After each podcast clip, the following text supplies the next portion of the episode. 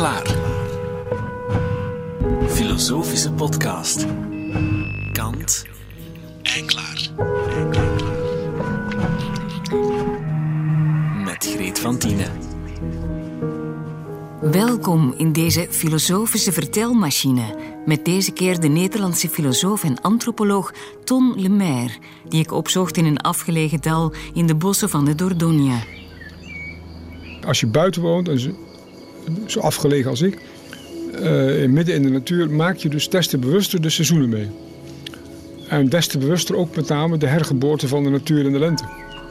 Dus ik vind de lente eh, elk, jaar eh, nog mooier misschien dan vroeger. Omdat je ook weet dat je nog maar weinig eh, beperkt aantal lentes voor je hebt. Ton Lemaire is 75 en woont al een kwart eeuw in het zuiden van Frankrijk.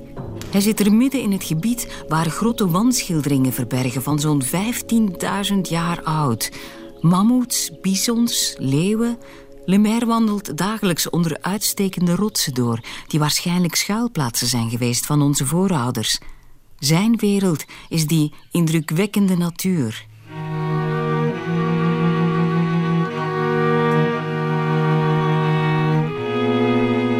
Ik heb laatst nog een, nog een vos vlakbij gezien. Ik zie, eh, ik heb een eh, half jaar geleden stond ik oog in oog plotseling met een wild zwijn. Oh, Ook vlak achter mijn huis. en dan schrik je wel even, toch? dan schrok ik ja, het, is een, was een, het zijn grimmige gasten natuurlijk. Ze zien er hier, ze zijn bijna zwart hier. En mijn hond had hem opgejaagd. En hij zat echt achter, eigenlijk achter mijn hond aan. Maar die kwam haar toevlucht zoeken bij mij. Dus, dus ik stond ineens oog in oog. Ik had helemaal niet verwacht, stond ik in een, met een wild zwijn. Toen heb ik maar even wat geschreeuwd, want hij wist niet wat hij moest doen. Hij, hij twijfelde of hij me moest aanvallen of niet. Dus is hij toch maar weggerend. Maar ik heb dus eh, ontmoetingen met dieren elke dag. Hij woont er met zijn hond Sita, enkele kippen, een haan en duizend en één vogels. Nou, we horen nu een bosuil. En dat is heel bijzonder, want het is midden overdag. En hier woont een bosuil. Dat is al heel lang. Zolang ik hier woon. En die overdag roept. Wat een... eh, wat, een, wat uitzonderlijk is hoor. Het is, het is een afwijking. Ik heb dat nog nooit meegemaakt. Een gestoorde bosuil. Het is, het is een vreemde bosuil. Ja, die loopt, roept regelmatig midden overdag. Soms zie ik herten lopen. Soms dagen niet, maar soms ook elke dag. Een groepje van vijf tot zelfs tot zeven herten. Vaak hinders. Soms zijn ze onder de leiding van een mannetje hert, maar mannetjeshert, maar lang niet altijd. Dus dat is een prachtige ervaring, dat die gewoon tussen de paarden lopen soms, in het paardenweiland. Die verdragen elkaar eh, natuurlijk goed.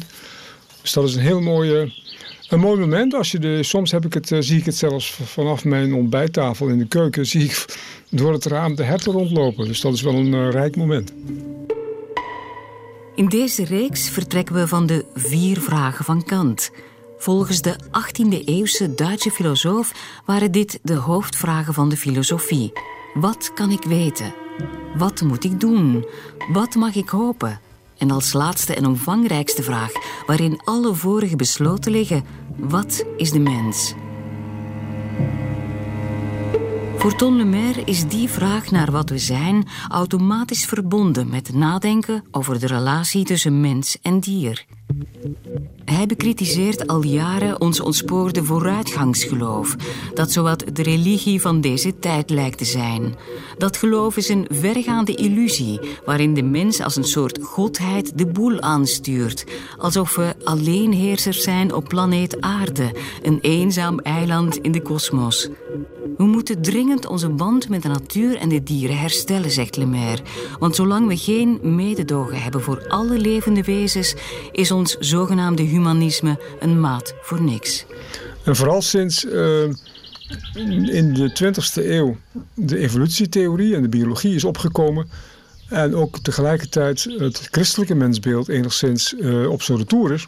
Is de, mens, is de vraag naar de mens-dierverhouding natuurlijk des te prangender geworden, des te dringender geworden. Lemaire vluchtte zo'n 25 jaar geleden weg uit Nederland nadat het landschap waarin hij woonde werd vernietigd door een nieuwe snelweg en ruilverkavelingen. Heggen en bomen werden gekapt, beken rechtgetrokken. Een ecologische vluchteling noemt hij zichzelf. En het was of ook hij zelf werd aangevreten door die brute ingrepen in het landschap. Hij werd zo depressief dat een arts hem arbeidsongeschikt verklaarde. Hij zei daar toen over: het was een aanslag op mezelf, op mijn eigen ziel. Hij moest zijn job als docent aan de Universiteit van Nijmegen opgeven. Zijn colleges cultuurfilosofie trokken nogthans massa studenten. Maar hij is gelukkig blijven denken over wat wij te betekenen hebben. In al zijn boeken onderzoekt hij onze verhouding tot de natuur, het landschap en de aarde. Als een soort sjamaan van het ecologisch denken was hij zijn tijd ver vooruit. De gevolgen van de dominantie van onze soort op de wereld, die vooral sinds de industriële revolutie, sinds de moderne tijd dus heel erg eh, tastbaar en voelbaar geworden is. En sinds de afgelopen eeuw nog des te meer. Uh, dus de dominantie die als gevolg heeft dat heel veel diersoorten ofwel uitsterven ofwel bedreigd worden. En we maken dat voortdurend mee, dat we lijsten krijgen, rode lijsten van dieren die met uitsterven bedreigd worden als we niet oppassen. Dus wij zijn als het ware door omstandigheden gedwongen om onze verwantschap met de dieren, die de evolutietheorie dus eh, propageert, ook nog eens een keer ethisch in te vullen. Namelijk dat we verantwoordelijk zijn voor de schepping. We zijn verantwoordelijk voor de natuur, voor de aarde.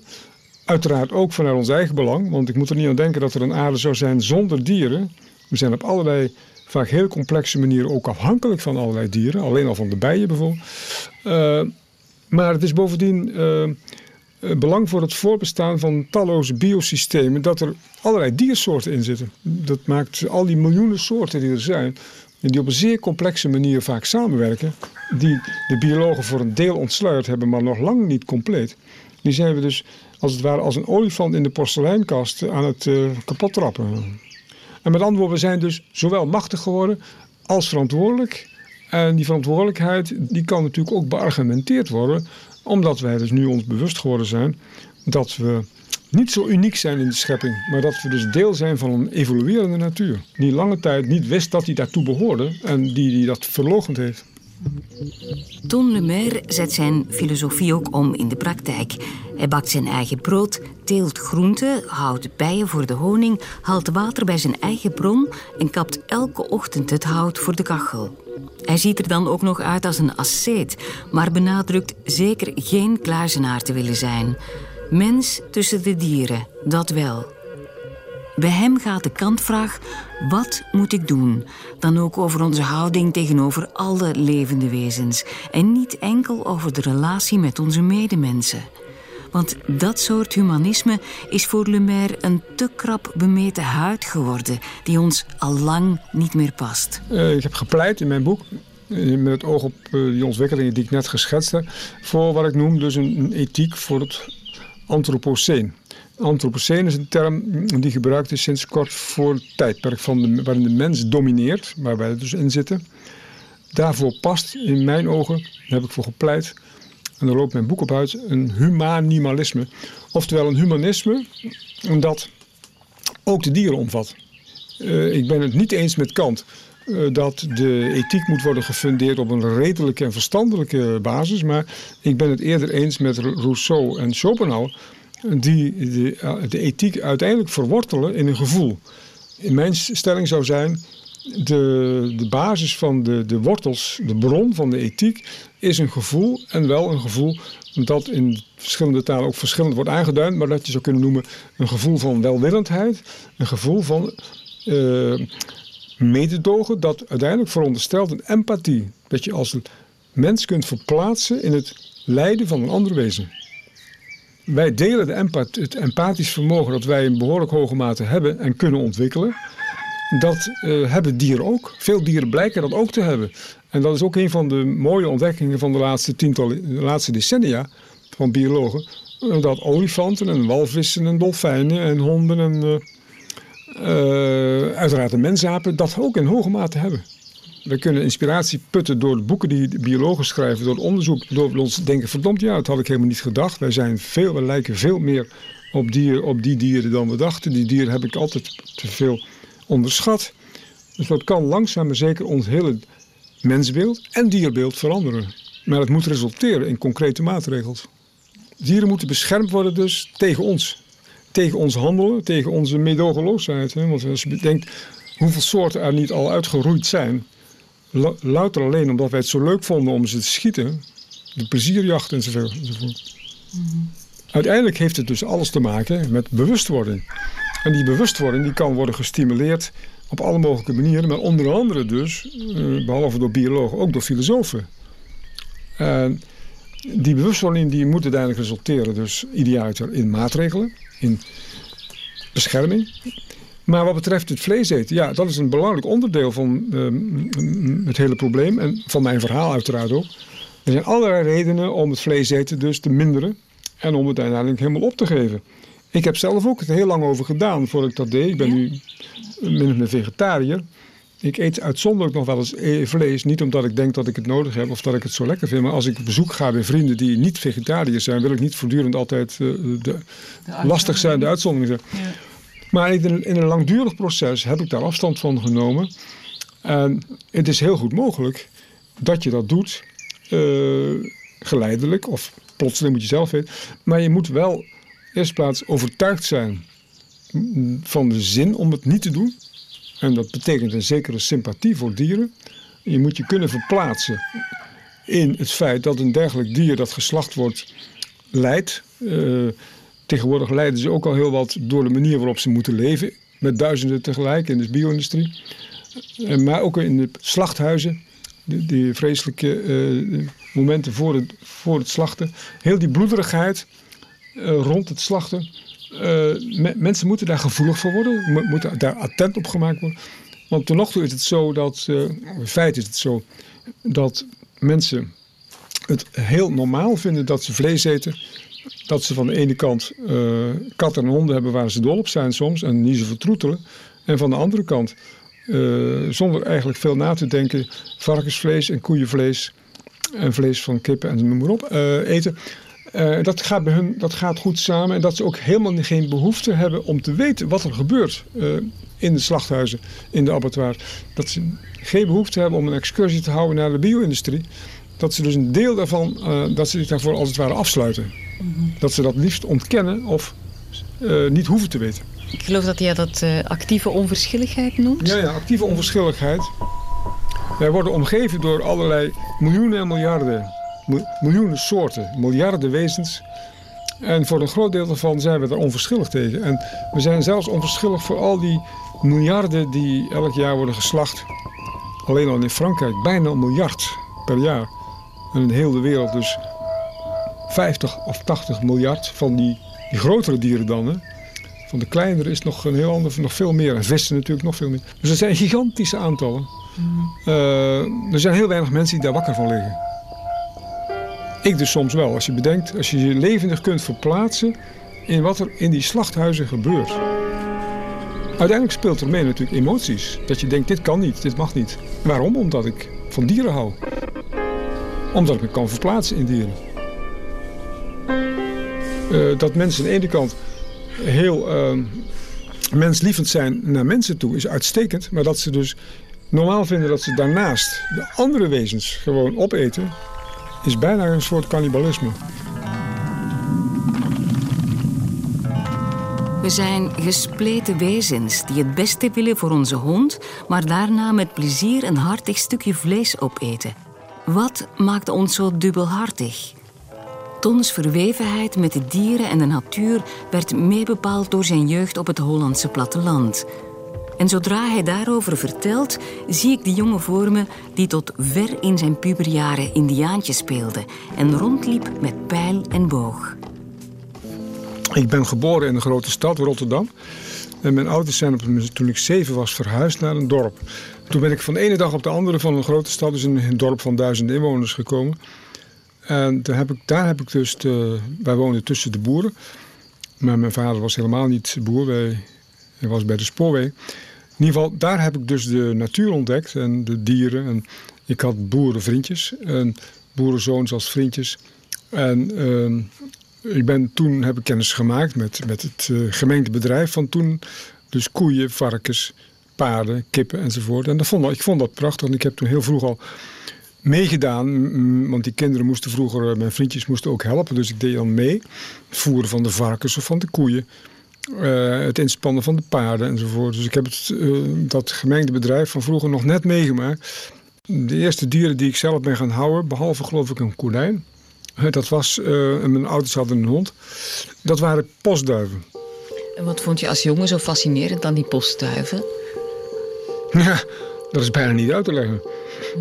Uh, ik, ik, hou van dieren, van, ik hou van uh, vogels in het algemeen. Uh, omdat ze sierlijk zijn. En zeker postduiven zijn sierlijk. Ze zijn heel vredige beesten. En ik vond het prachtig als ze dus uh, gezamenlijk rondvlogen en in, in een groepje zwenkten kringen maakten, weer terugkwamen naar je huis. En dat ze jongen hadden. Nou, heel het leven van die, van die dieren van dichtbij sprak mij enorm aan. Dat kun je bijna niet verder toelichten.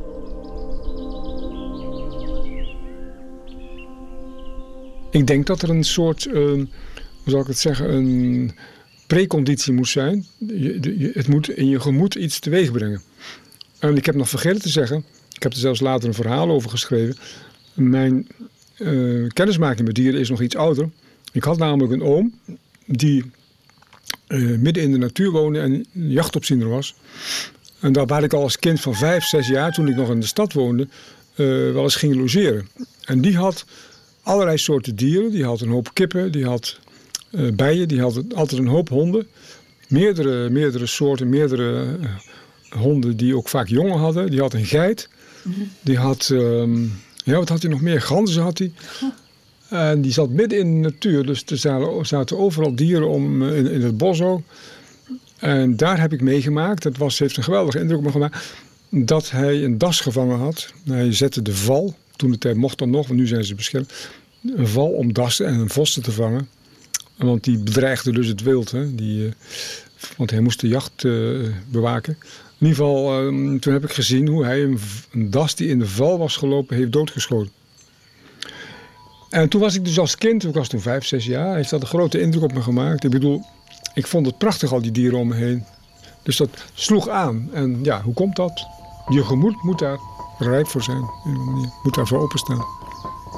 Eigenlijk woon jij nu een beetje zoals die oma over je vertelt. Nou. Omringd door de natuur ja, en door dieren. Ja, inderdaad, inderdaad. In zekere zin heb ik dan, sluit het aan bij een vroege ervaring. Ja, zeker, inderdaad.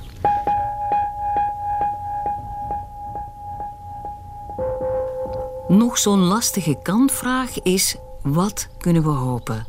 Kunnen we het ons veroorloven om optimistisch te zijn? Het heeft geen zin om optimistisch te zijn als de, de basis daarvoor ontbreekt. Hè? Mm -hmm. Maar het is veel prettiger om optimistisch te zijn. Dan ben je, maak je een positieve indruk enzovoort. Nou, het kan best heel irreëel zijn. Ja. En wij geven het dus heel moeilijk prijs. dat zit er dus achter. En dat bestrijd ik. Onze ideologie van de vooruitgang. We zijn altijd nog steeds schatplichtig aan de ideologie van de vooruitgang. Ik heb hoop genoeg voor het dagelijks leven. Voor de gewone menselijke verhoudingen. Voor, um, voor de face-to-face -face relations. Voor het maatschappelijk gebeuren eh, van het moment. Maar ik heb geen hoop voor de grote dingen, voor de grote oplossingen, voor de macro-oplossingen. Dus de toekomst van de mensheid, om even de grote woorden te gebruiken, zie ik als tamelijk somber. En ik ben daar niet de enige natuurlijk. Eh, ik, ik zet me nog steeds in voor een, um, een, een, betere maatschappij, een betere wereld enzovoort enzovoort. Zowel wat betreft uh, het humanitaire als wat betreft de positie van de natuur en de dier. Maar ik doe het met de moed van de wanhoop. Met de moed van de wanhoop, ja.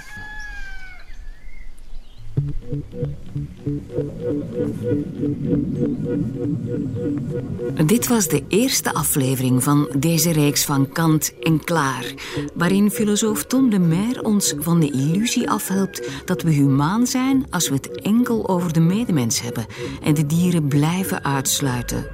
Le Maire installeert het humanimalisme, mens en dier één front, zoiets.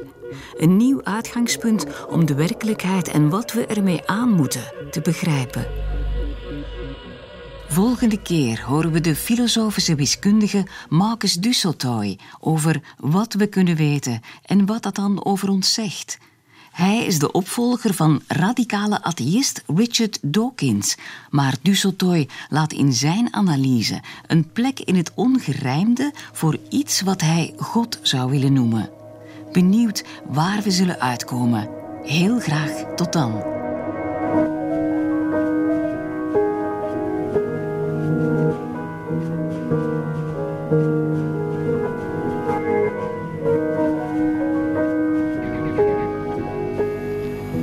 U luisterde naar Kant en Klaar. Een productie van Clara. Kant en Klaar. U kunt alle afleveringen herbeluisteren via clara.be of via een abonnement op de podcast. Reageren kan via kant.clara.be.